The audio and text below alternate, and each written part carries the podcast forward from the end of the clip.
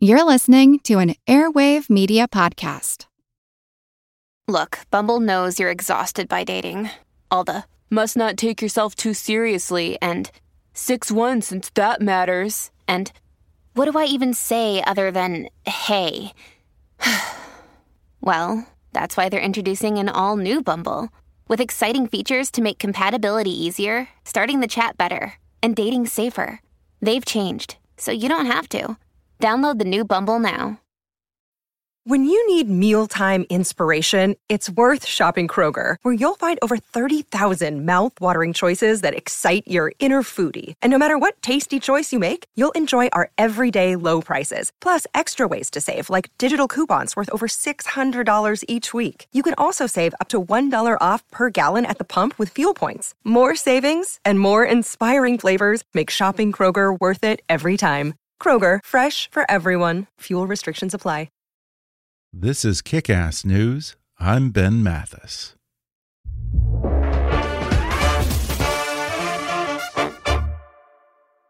Hey there, folks. It's Ben Mathis here. In case you missed my big announcement the other day, I have some exciting news to share with you. We're starting a podcast network. This is something that's been a long time in the making, and now at last, in early May, we'll be launching our own network called Airwave. It'll be the new home for Kickass News, as well as a number of your other favorite podcasts and brand new shows from some of the leading thought leaders and storytellers in audio entertainment, including podcasts from at least a dozen of my most popular past guests. We'll have 15 different podcasts at launch and plan to roll out over 40 shows in 2021. In the next few weeks, I'll be sharing more details about those specific shows, so subscribe to us on Twitter and Facebook at Airwave Podcasts. But in the meantime, I'm going to ask for your help. I'm putting a lot of my own money into covering the startup costs of this new venture, but we need additional financial support to cover our full production slate for 2021. So please visit gofundme.com/airwave to contribute to what we're building here. That's gofundme.com slash airwave to donate. G O F U N D M E dot com slash airwave. A I R W A V E. GoFundMe.com slash airwave. Thanks for your support and for listening all these years. Melissa Bernstein is co founder of the wildly successful toy company Melissa and Doug. But who would ever guess that this happily married mother of six, who has created over 5,000 toys which have sold over a billion dollars, begins many days the same way as far too many others do, wondering if she'll make it to tomorrow? In her new book, Lifelines An Inspirational Journey from Profound Darkness to Radiant Light, Melissa takes readers on her path through depression, revealing how her lifelines such as poetry, nature, and yes, even toy making transformed her despair into a beacon of hope. And today, Melissa joins me on the podcast to discuss how she and her husband Doug decided to start a toy company with no prior experience, how their nostalgia for simple, fun wooden toys that fire the imagination has turned into a movement supported by the American Academy of Pediatrics and why Melissa believes that designing toys may have saved her life. She reveals that her lifelong battle with existential anxiety and depression almost drove her to suicide, why she finally decided to address it at age 50, and how she's now on a mission to help others suffering from mental health issues. Coming up with Melissa Bernstein in just a moment.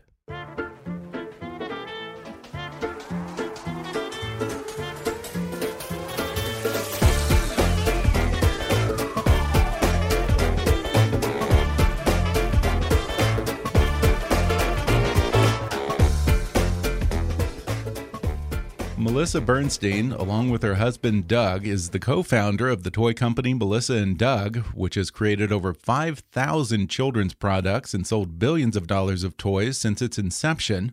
Raised by educators, Melissa and Doug started the business in their garage in 1988, and they've been on a mission ever since to provide open ended, inventive, non technologically driven playthings for young children. But throughout Melissa's remarkable career, she kept her lifelong battle with severe depression and anxiety a secret. Now she reveals her struggles in her first book, which she wrote to help others who are also suffering.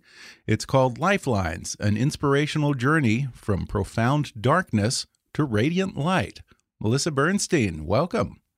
Thank you. Wow, that was such a great introduction. I try, and, and, and I'm excited to have you because gosh, you know, me, my wife, and our one year old daughter are such huge fans of Melissa and Doug toys. We have puzzles, we have the plush cars, we have the puppets. Um, for Christmas, I got her a tiny little upright piano, just her size, that I practically come to tears every time I see her playing on it because it's so cute. And, and, she just plays on it every day. She, she's always fiddling around on her little piano. So it's Aww. such a pleasure. Yeah. I wish everyone could Big see my face because I'm beaming. Thank you so much. now, it's interesting. Apparently, you and your husband, Doug, didn't start out as toy makers. Uh, you were, an, I think, an investment banker, and he was in marketing. so, how did the two of you get into toys? Yeah. So, by the way, if you want to succeed at anything, make sure you know absolutely nothing about it before you start. and truly, I've listened to pretty much every entrepreneur's story, and that's almost the only consistent thing among all of us mm-hmm. that we knew nothing about what we were doing. Mm-hmm. So, yeah, I mean, Doug and I basically you know, initially thought we were on the path to following very traditional careers because that's what people did back then. You know, you sort of majored in the thing that you were going to become in college and you basically got on the treadmill and followed it your entire mm-hmm. career from the beginning to the end. And, you know, I was on the law treadmill until I realized that was not going to happen. And then I tried to pick the next most socially validating career, which in those days was investment banking. Like that was the quote unquote hot job of the era. And like anyone who was wanting to uh, get that glow of acceptance pursued that. So I did that. Doug followed advertising and was at a really cool advertising firm. And we were sort of pursuing that American dream. Uh, but very quickly, both of us became really disillusioned. And I, especially, you know, felt like I was a flower without sunlight and water. I was mm. so, so despondent because I didn't understand what I was doing and what it was doing to help the world. And finally, we both agreed. I mean, he really convinced me because uh, I was terrified of making the leap, although I knew I had to for the sake of my soul. But he said, let's just leave this rat race and start something on our own. And we were just dating. We were just dating like maybe two and a half years and we went away for the yeah i find it so interesting that when you started out you and doug were just business partners. You weren't married yet. You didn't have any kids. So what gave you the confidence to enter the toy business? I mean how did you know what kids wanted? We didn't but we knew we wanted to do something that meant something and would impact a population really profoundly Mm-hmm. And we knew that children would be that population because we all, we both loved children, and pretty much all our parents were involved in education in some way. Uh, basically, three of them were were educators, and one was in educational publishing. So we we both immediately said it has to involve children. So that was the good thing, and I think we both had that. Even though you know, in many ways we lacked confidence, I think in, mm. we knew that if we put our intention towards something and gave it our all and put our hearts into it, that we would find our way. So we mm-hmm. really weren't concerned at all about that. Uh, and when when we honed in on creating products for children that had the potential to spark their imagination, you know, we knew that these products were going to leave no stone unturned. Well, you now have six kids, uh, a wide range of ages. Uh, are they sort of your R and D team now? They were for many years. Unfortunately, yeah. now the youngest one is beyond our age for the most part. But uh, you know, for many years, Absolutely. And we taught them from very early on we don't want you to tell us that the toys are great. We actually want you to tell us how they're flawed, you know, what could make them better. And unfortunately, over time, I think they took that so literally that they were so harsh and cruel. And sometimes, oh, it would like crush my soul. I'd show them this toy and they'd be like, this is horrible. No one would ever want that. It's it's wrong in this, this, and this way and they became really i would say very good too good critiquers of the products. Yeah somewhere along the way I, I, heard that i guess you have never used a marketing study or a focus group on your toys. Is that true? So it just comes from instincts and direct experience or what? It really does. You wow. know i am one of those people that i believe in gut instinct and intuition more than anything and I also am a rabid learner and very curious. And I always follow my curiosity.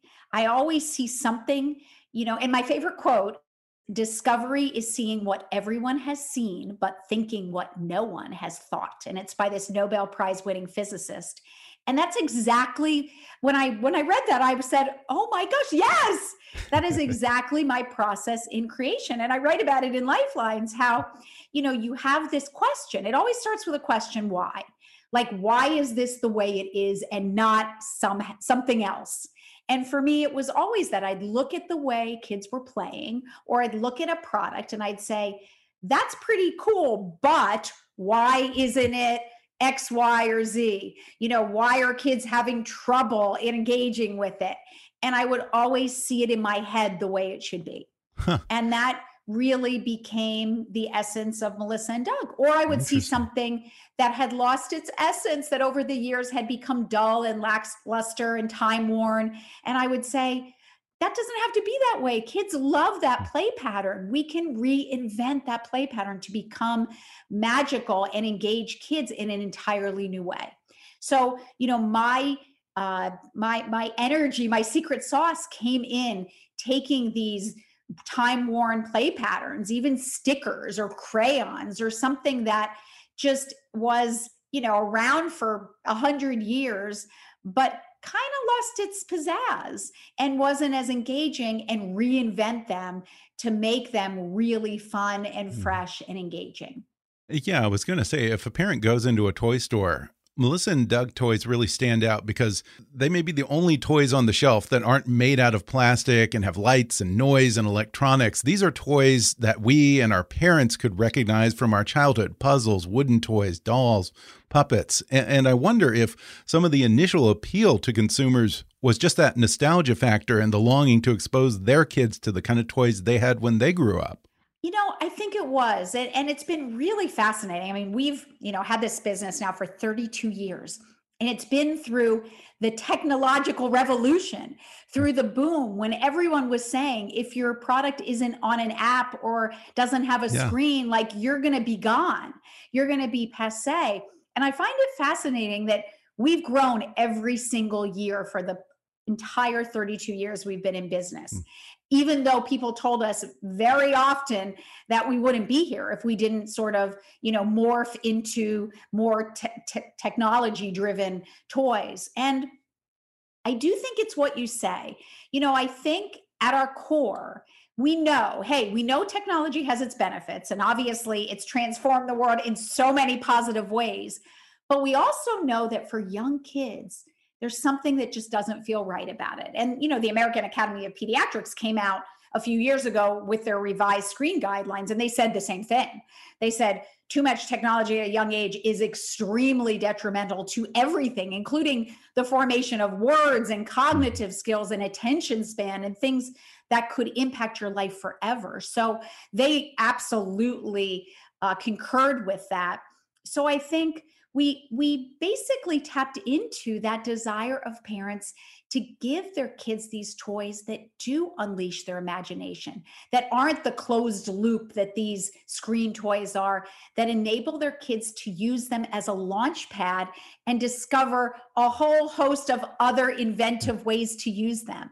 And we call it countless ways to play Tell me about that term closed loop that you used, because we discussed that before we went on air.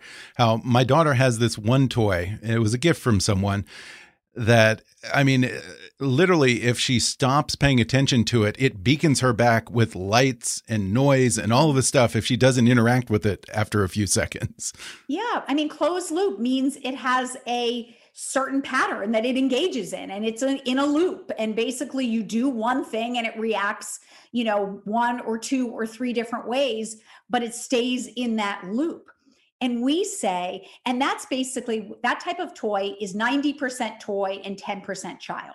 It's pretty much all about that toy and the child is basically just a you know basically presses a button to react to the toy Mm. But we always say that our toys are 90% child and 10% toy. and basically, yeah. you know, our toy is never going to beckon to you. It's never going to call you over. It's never going to say, come here, look at my lights, look at my sounds, look at my screen. But what it's going to do is it's going to accept that child exactly as he or she is at that exact age they are and morph with them throughout any age they use them. And it's going to become just basically a tool for that child to ignite what's inside them. Mm-hmm. And that's what makes it really fun. And that's what makes an open ended toy, which is what we make, different for every single child that uses them, and even different for your own child as they age and grow. Because, you know, a toy car for a one year old, like your daughter's age, is going to be used entirely different than that exact same toy car for a child who's six years old who might use it for more fantasy play and to create a world. So it's really fun to watch how an open ended toy can grow with your child. Uh, that's so true because we have toys that, you know, after a month or two, she'll kind of get bored with it or not play. So we'll take it out of circulation. But a little later on, a few months later, when she's made certain leaps, will just put it out again. And it's fascinating how much she will uh, be excited about that toy all over again and the different things she'll discover about it. Uh, and it really does seem to me that 90 or 80% of the toys on the shelves these days are basically toys that play with themselves. and I'm curious, you we talked a little about screens. Uh, my wife and I are very vigilant about our daughter's exposure to screens at her young age. Uh, I'm curious, what has been the rule on screens in your household? Wow. Well, I have to say, in this last year, it's gone completely out the window. right. And, you know, yeah. I For share this with so True. many of my peer moms who COVID has just unleashed screen addiction in a very sad mm-hmm. way. Because, you know, when we need to work at home and our kids are at home, like that, the screens are incredible babysitters and no one can deny it. But prior to COVID, because I really say, you know, pre COVID and post COVID and, and during COVID, and then now we'll have post COVID, you know, I tried to be extremely vigilant about engaging them in non screen activities. Mm-hmm. And we were for many years, because uh, now my youngest is 13 so we're, we're somewhat at a different age now yeah. and she's but at the point where she wants to have an iphone probably yeah sure. exactly yeah but but for many years every night i insisted and some nights i had to demand that we played a board that we play a board game together and you know i'm a huge game fan i think they teach so many incredible skills including in my family cheating and and lying and and uh, right. uh, negotiating Mine but too. i think i think they're just incredible uh, so I would pull out a new one. I had so much fun finding new games and, you know, really learning them ahead of time so I could quickly engage my kids. And we became really uh, rabid about playing certain games. So mm-hmm. I think we try to have dinner together every single night. And during COVID, lunch and dinner, all of us. And I have six children, which has been really wonderful, and no technology, of course, at the table. And then we try to engage in a lot of activities in our hearts. You know, like I said, games and singing and music and a lot of hiking and being outdoors and, you know, doing the best I can. But hey, I'm human. And part of my talking with other moms is to say, I get it. Like, I get how hard it is. Technology is designed to make you an addict So we are right. fighting a really tough battle and a very right. scary battle, to be honest with you. Yeah. And I have even had to change as a toy maker. You know, I really? make my toys very differently now than I did five, ten years ago. I put huh. more little twists in them to engage kids, not technology twists and not, but I do need to make them even more engaging than I did 10 years ago because I'm fighting against the technology and I have to put in more realistic fit, you know, more realistic features and and it's fun. I mean, I I viewed it as a challenge because mm-hmm. I do view if people ask my competition, it's not other toy makers.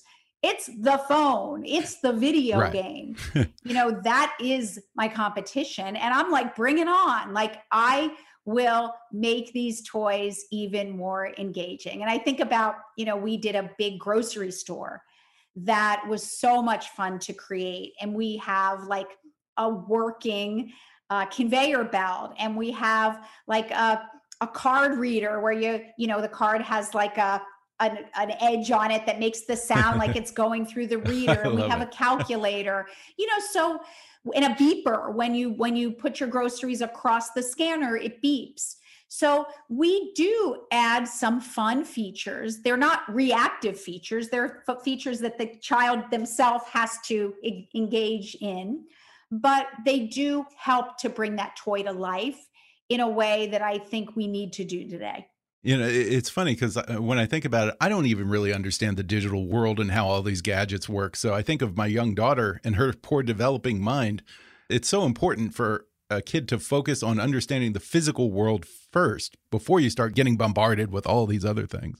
And the other thing that's really key that, that wasn't much discussed, and I only realized in, in working with the American Academy of Pediatrics, because we are actually partnering with them. We've partnered with them to really go on this crusade, crusade of the power of play. And we're the first toy company they've ever partnered with because uh, we really? do stand for open-ended play for 30 oh, plus wow. years but the really the most important thing is the caregiver child engagement and mm-hmm. interaction and what these closed loop toys do and what par- a lot of parents like about them is that the child is alone with them so they give that parent time to do what they need to do but that's the issue in and of itself because all our social emotional skills are built through engagement and reading the cues that we give each other through those engagements. So when these toys now are sort of solo toys and aren't fostering those caregiver child interactions there we're seeing it's extremely detrimental to the social emotional growth of children we're going to take a quick break and then we'll return with more when we come back in just a moment.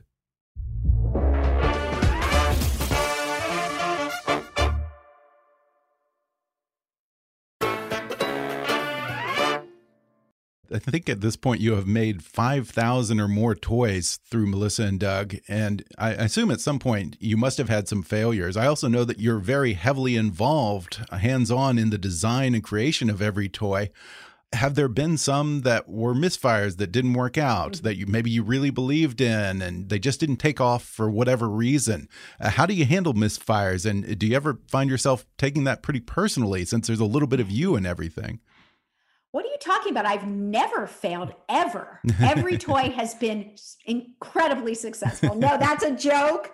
And I wish you were in my office right now because behind my desk at Melissa and Doug, I have my wall and it's become much more than a wall it's yeah. now the entire office is filled with just a handful of my favorite failures oh, and really? i would say there are close to 500 toys there and that is just a wow. small fraction of my favorite failures so you know when i started melissa and doug and part of my story is i was strangled by perfectionism you know, I had this perception my entire life that anything short of 100% was failure and meant I was worthless. And it was really a very powerful force in my life, a powerful negative force, and almost, you know, put me under at many points.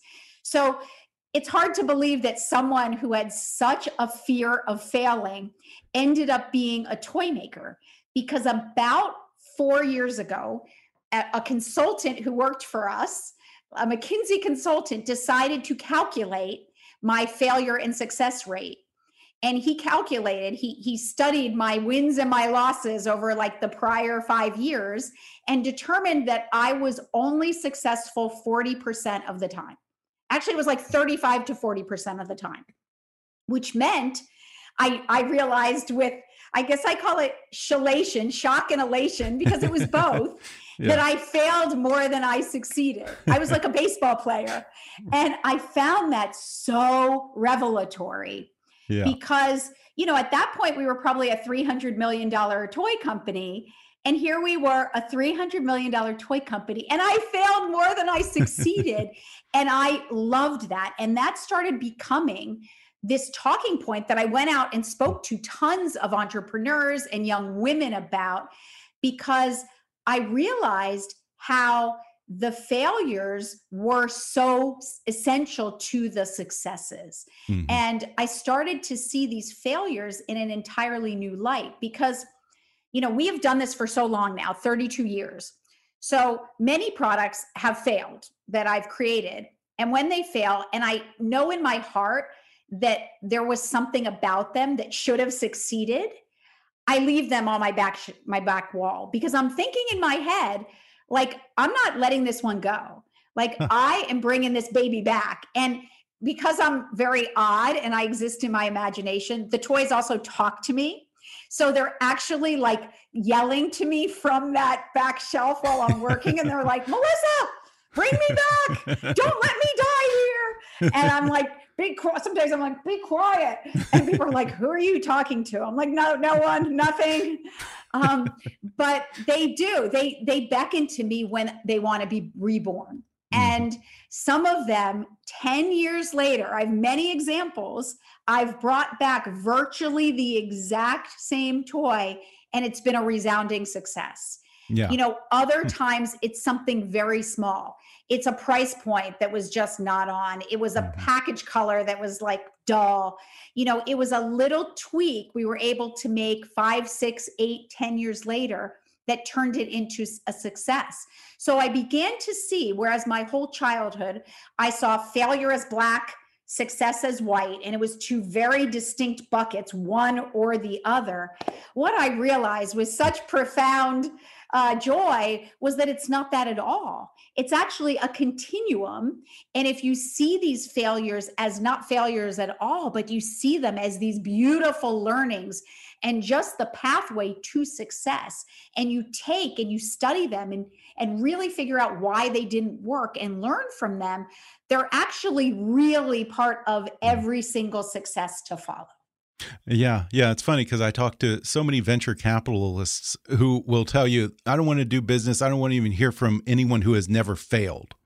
Mm -hmm. Get your failure out of the way, and then let's talk. You know, because um, there's so much that you learn from it. way. It's it's right, continue right. to do it over right. and over and the, over again. Because without the, the failures, Mm -hmm. there is not a chance you will have the big successes. Yeah, yeah, and, and you mentioned a moment ago uh, your perfectionism and your struggles at a young age with this idea that everything is black and white, it's failure or success. And that sort of gets to your new book, Lifelines, and something that you're now speaking publicly about, which is your struggle with existential anxiety and depression. How long have you been dealing with this? From the moment I took my first breath, really? literally. Uh, you know, I have come full circle in all of this. And, you know, I now know that, you know, I'm a creative person and I have what I call a blurse, which is a combination blessing and curse. And for most of my life, well, I shouldn't say most of my life, for the first 25 years of my life, I only saw it as a curse.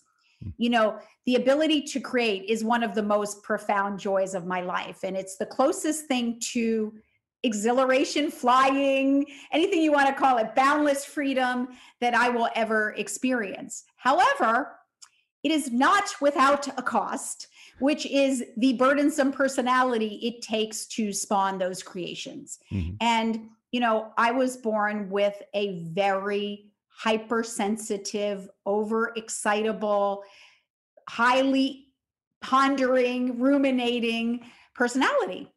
And one of those sensitivities is an intellectual sensitivity that makes me curious. And it's the reason I can create, but it also makes me ponder higher realities, which include our mortality mm-hmm. and why we're here. And from the earliest memory, from the time I could even form thoughts, I had three questions perpetually running through my brain Why am I here?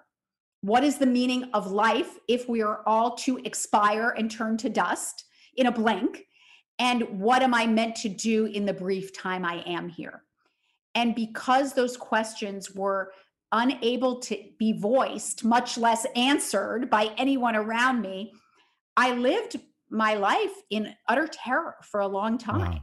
because I felt it was all futile. And I couldn't understand why everyone around me seemed so carefree and happy and going about their business when I was like, don't you see it? Like the world is ending. Why is no one doing anything about it? And I truly use the word, and many of we existentially plagued use the word absurd hmm. because I, and I used it in so many of my verses, not realizing like that's the word. Like it was nothing but absurd to me.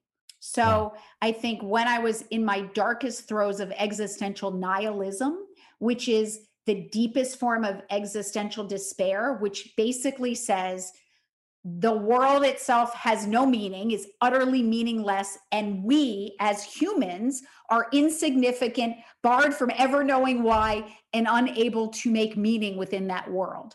And that was when I truly was at my lowest and and you know very uh, intently thought of ending my life.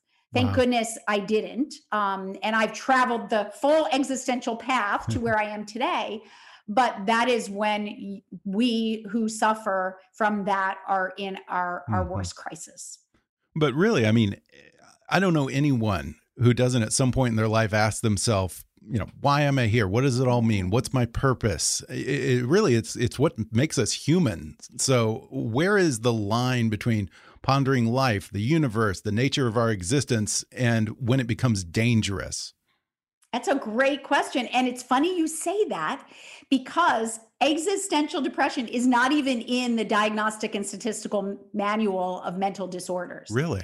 And it's no. And many say it's not a pathological condition, it's a philosophical condition hmm. that really takes philosophy and understanding where you know you will find your meaning to solve it because it's actually a reality that just some of us feel deeper than others so it's not necessarily an affliction in the same sense that traditional depression is mm-hmm. but i think you know when it becomes uh, detrimental is when you are about to succumb to the overwhelming futility that exists and you can't find your way out of it. When you're in existential nihilism, that is when those folks who are suffering from this either numb themselves through, you know, like a, an addiction, they they become addicted to so many things. They either take their own lives, many who have taken their lives recently that I know have mentioned the word existential you know the the phrase existential despair. Mm-hmm. because if you're in that nihilistic state you you are utterly powerless to change your circumstance and why go on. Or you have to avoid and repress and deny it which is what I did for most of my life because really? it was wanting to take me down. You know it was a demon in me that basically said life is futile. End your life. You it's not worth living and i kept i would talk to that that demon and i would say no i've got to find the reason why like every day. And the demon was like no you don't. Just so i repressed denied disassociated from it by avoidance and anchoring to perfectionism to control in all these you know sort of disordered eating and stuff that i did. And i basically functioned by denying the demon and trying to repress it.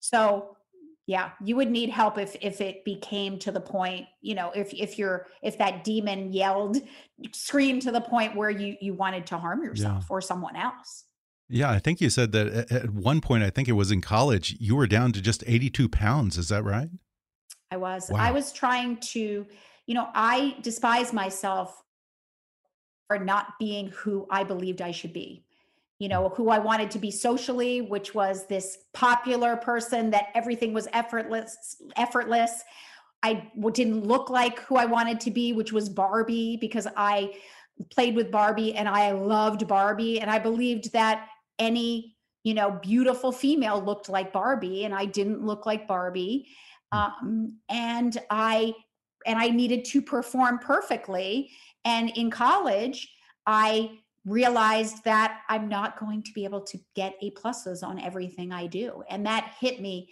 when I when I was simultaneously rejected socially for not being like the Barbie uh, sorority I wanted to be part of. And I also failed academically, which was my other only source of validation. I realized I was utterly worthless. And it was then that I said, I'm going to, you know, I did I did it subconsciously. I didn't say, like I didn't know I was saying it, but I I said I'm going to punish myself for not being who I should be. And that was, you know, when you when you when you stop eating and deny yourself any form of pleasure, you're basically slowly killing yourself. Yeah. Yeah, and I think you said that it wasn't until you turned 50 that you really it was a sort of a wake-up call and I'm curious, what was the catalyst uh, for you to finally come to grips with your mental health issues? Ah, it's a great question you know, it was a few dots that started connecting just by sheer coincidence. Like it was nothing that I could have easily still been here today and not knowing any of this. So uh, I read the book for the second time, Man's Search for Meaning by Viktor Frankl. Ah, yes. And it had been in my bookshelf. And I love it when something you read in your 20s, you know, it's nice to read it, but it doesn't like spark you. And then you read it three decades later, and suddenly it's like, oh my goodness. Just like a good toy. right? It's an open ended book. Yeah. so Viktor Frankl was in a concentration camp, um, Auschwitz, I believe, and had a profound meaning crisis. And when he got out, he started the the practice of logotherapy, a form of existential analysis. And when I read that, hmm. here I was, a writer my whole life, read the thesaurus for fun as a child, and had never heard the word existential, ever. Never heard the word logotherapy. So when I looked it up, I fell to the floor. Truly. I'm, i mean, I'm dramatic, but I really like fell to the floor because it explained exactly what I had gone through my whole life. Because logotherapy is based on the premise that man's primary search in life is the search for meaning and existent and when i started reading about existential despair and existential angst it was exactly what i had gone through and that's what started the ball rolling because once i started reading about existential depression and saw that the correlation between those who experience existential depression and those who are highly creative it's almost a given because those who are highly creative have heightened sensitivities to life and life's meaning and the highs and the lows of life. And it's the same when you ponder these higher realities. And when I read of, of those who were afflicted with existential despair, my heart stopped because it was some of the folks I cherish the most. And although I didn't, you know, I wasn't putting myself in their category, it was so incredible to know that other creative people were afflicted mm. with the exact same thing. And it was the first time in my life that I said the words, I am not alone. And then I further came to see that those afflicted with as existential despair, as I mentioned, have these heightened sensitivities called overexcitabilities that show up in five categories. And when I read about those five areas of hypersensitivities, that was when I didn't stop crying for three days. Because, and that's not even an exaggeration, it might have even been more than three days. Because when I read the descriptions of the five, I could have written them myself. I mean, it was hmm. exactly who I was to such a T, all five of them, that I suddenly knew oh my gosh, I'm not weird. I'm not like the only person who suffered from this. I am a highly creative person, and this is my curse for having the blessing of being able yeah. to create. and that really um, started to change my life. Well, I think that you say that you've been in talk therapy for four years now, and you also have these coping mechanisms that you use, or I think you call them lifelines. What are your mm-hmm. lifelines, Melissa? Yeah. And I was so you know, for most of my life, the words self care were never on my list. Mm-hmm. In fact, people used to say that phrase to me, like, put your own oxygen mask on first before putting on your kids. Right. And I would scoff at it. I was so disdainful of that because I said, who would ever put their own oxygen mask on first? Like, I would never do that. I would always put my kids on first. And if I'm to die, so be it. Like, I'm living for them. And that was the way martyrdom was part of my perfectionism. It mm. was this sense that I don't have to I don't have to care for myself. I can serve from an empty well and I can continue to serve into the ground. And I'll do it with a smile on my face, even though inside I'm bereft and I'm bitter and I'm so angry that nobody appreciates me. And that was the way, you know, I lived my life. And I didn't realize that it was making me so angry and bitter and sad inside because I felt like nobody cared about me. It was part of that whole scratch on my lens. And as I took the journey inward with the talk therapy and, and started to accept myself for being more than just perfect and being more than just one feeling, which was great, awesome, fine, I began to see that to to be able to truly serve others and to give others compassion i first needed to serve myself and give myself compassion mm-hmm. and i mm-hmm. had never done that which meant that i truly wasn't able to have an authentic relationship and serve others from anything other than a place of a martyr which is not really serving you're serving in order right. to be to receive gratification and that's mm. what i was doing and left very disappointed when i didn't wasn't hoisted on people's shoulders so that that started my my understanding that i was going to need to engage in self-care for the very first time mm-hmm. And your form of self care, I think you have three things. You have uh, designing toys, of course, which uh, I wanted to say that I think I read that you said that sort of saved your life, but also mm -hmm. poetry and nature. Mm -hmm. You're a big nature person too. Huh? Exactly. So I realized that my biggest lifeline I had thank- thankfully been engaging in for 30 plus years, which was creating. And that has become my most effective channel for despair. You know, and when I saw by accident in my early 20s that I was able to take this profound darkness, this sense of utter futility toward life, and channel it into something light and bright and jubilant, it was like I could breathe for the very first time. And that became my mantra, which is the one mantra I say to myself every single day, which is step on out of the head, moving into the heart, free to channel all dread into jubilant art. I and that is that. my Beautiful. act. Yeah, it's my act. It's it's truly my mantra to myself to get out of the head because my head is a prison and takes me down every time I go there move into my heart which is just in the moment and happy and and joyous and channel all the darkness into jubilant i'm making that choice to make it positive light bright art so yeah. that's number yeah. 1 and then I have so many others that have arisen out of my four years of really learning about myself. Um, but the second is definitely nature and not nature the way it would have been 10 years ago because 10 years ago i love nature too but i think i wasn't ever present and mindful when i was in nature i was like in my head thinking about all the things i had to do or sure. angry about the way someone had treated me I've been there yeah like now I make a point, I try to just close my eyes, even while I'm walking, and just breathe in the air and listen to the birds and hear the wind rustling through the trees. And there's an exercise in our in our journey on our ecosystem called five, four, three, two, one. It's a very common exercise, but it's you know five things you see, four things you hear, three things you you go through your senses, and it's a wonderful grounding exercise. And I try to use that, you know, every time I'm in nature. And then there are innumerable others. I love drinking tea, and that's become a really great practice that I do a few times a day. Listening to music brings me, oh, such elation. And I do that. I have some furry pets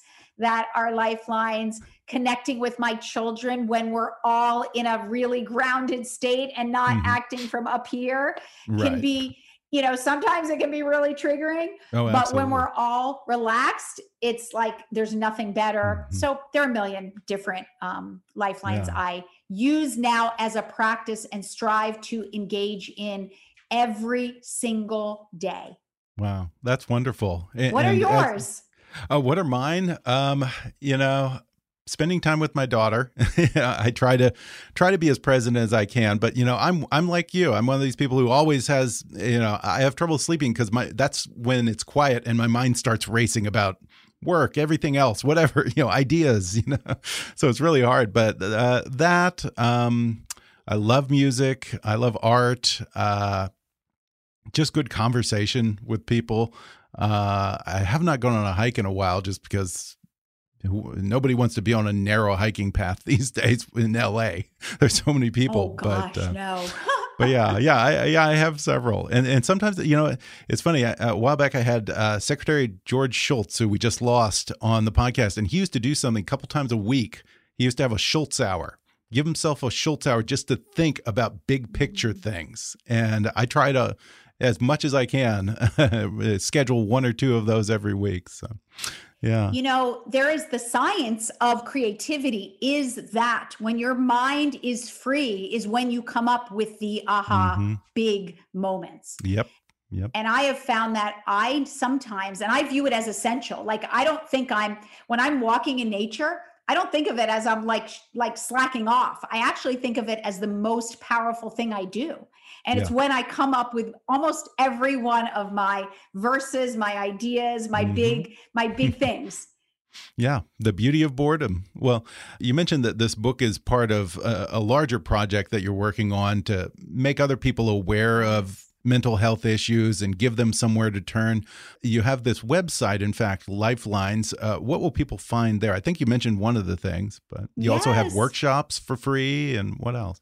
Yes. So Lifelines is Doug and my passion project. And we have been so fortunate in 32 years of making toys that I wanted to share the fact that this dark, churning, soulful person was behind these light, bright toys because I was terrified of showing who I truly was for all those years. And in that, showing others one, they're not alone. And that sounds cliched, but after spending my entire life feeling so stigmatized and so different and so rejected by mainstream society for being who I was, eh, you know, a, mm-hmm. an introverted creative, I don't want others to ever feel that way again. And we're going to accept anyone, however they show up. Two, that we all have the ability to channel our darkness into light. I am talking with so many people who feel that they are trapped in darkness and can't get out. Mm-hmm. And I want to show them that I understand. I have been there too, many, many years, but there is a pathway out. There is. They just have to make the choice to want to take it. And it really involves a personal choice. And mm-hmm. sometimes you're ready for that choice and sometimes you're not. But I really want to try to show them that they do have that power within to change their situation. And three, until we make that journey inward and accept ourselves in totality, we will never truly be fulfilled or find inner peace. And that journey, that exact journey that I took, was so arduous, yet so like profoundly revelatory for me that I wanted to recreate it on our ecosystem. And that is the centerpiece of lifelines.com. It's this journey to inner space. And that is this really cool. It has about 20 videos, it has all these exercises, and it's entirely free. Like we are not charging for a thing because we can't tell people you are not alone and then say, well, if you can afford $20 a month, like that would not be very authentic or sincere. So we yeah. are going to have the journey. We have incredible workshops. Last night, I was what I call smying I was smiling and crying throughout our entire workshop because oh, yeah. we had this workshop. It was called The Joy of Harmonizing. And we had people from our community volunteer to like sing or play music. And they were far from professionals, which is what made it so incredible because they were nervous. And then you'd watch them, they were singing and dancing. And it just made me cry because with with joy because it was like this welcome war- welcoming warm community that just accepted that we wanted to self-express and share even though we knew you know we weren't professionals. And we're, we're doing a lot of those workshops. Next week i think we have three or four um, on tap and it's going to keep growing and we want to just build this really vibrant community. Yeah that's great stuff. Yeah you're doing some wonderful work there. Well again the book is called lifelines an inspirational journey from profound darkness to radiant light and folks please visit lifelines.com for additional information and support. Melissa bernstein thanks so much. This is oh lovely. my gosh this was awesome. Thank you so so much for having me Thanks again to Melissa Bernstein for coming on the podcast. Order her new book, Lifelines An Inspirational Journey from Profound Darkness to Radiant Light, on Amazon, Audible, or wherever books are sold. And find additional resources and support at lifelines.com. I also want to thank Melissa for the wonderful and humongous plush giraffe and penguin that she sent our daughter. Charlotte absolutely adores both of them, and we love all of our Melissa and Doug toys. If you're a parent, a grandparent, or anyone with a kid in your life, check out their wonderful line of pediatrician approved toys from puzzles to blocks to musical instruments, dolls, and more at melissaanddoug.com. If you enjoyed today's podcast, be sure to subscribe to us on Apple Podcasts and rate and review us while you're there. Five star ratings and detailed reviews are one of the best ways for new listeners to discover the show. You can also follow us on Facebook or on Twitter at, at KickassNewsPod and recommend us to your friends on your social media. For more fun stuff, visit kickassnews.com, and I welcome your comments, questions, and suggestions at comments at kickassnews.com. For now, I'm Ben Mathis, and thanks for listening to Kickass News.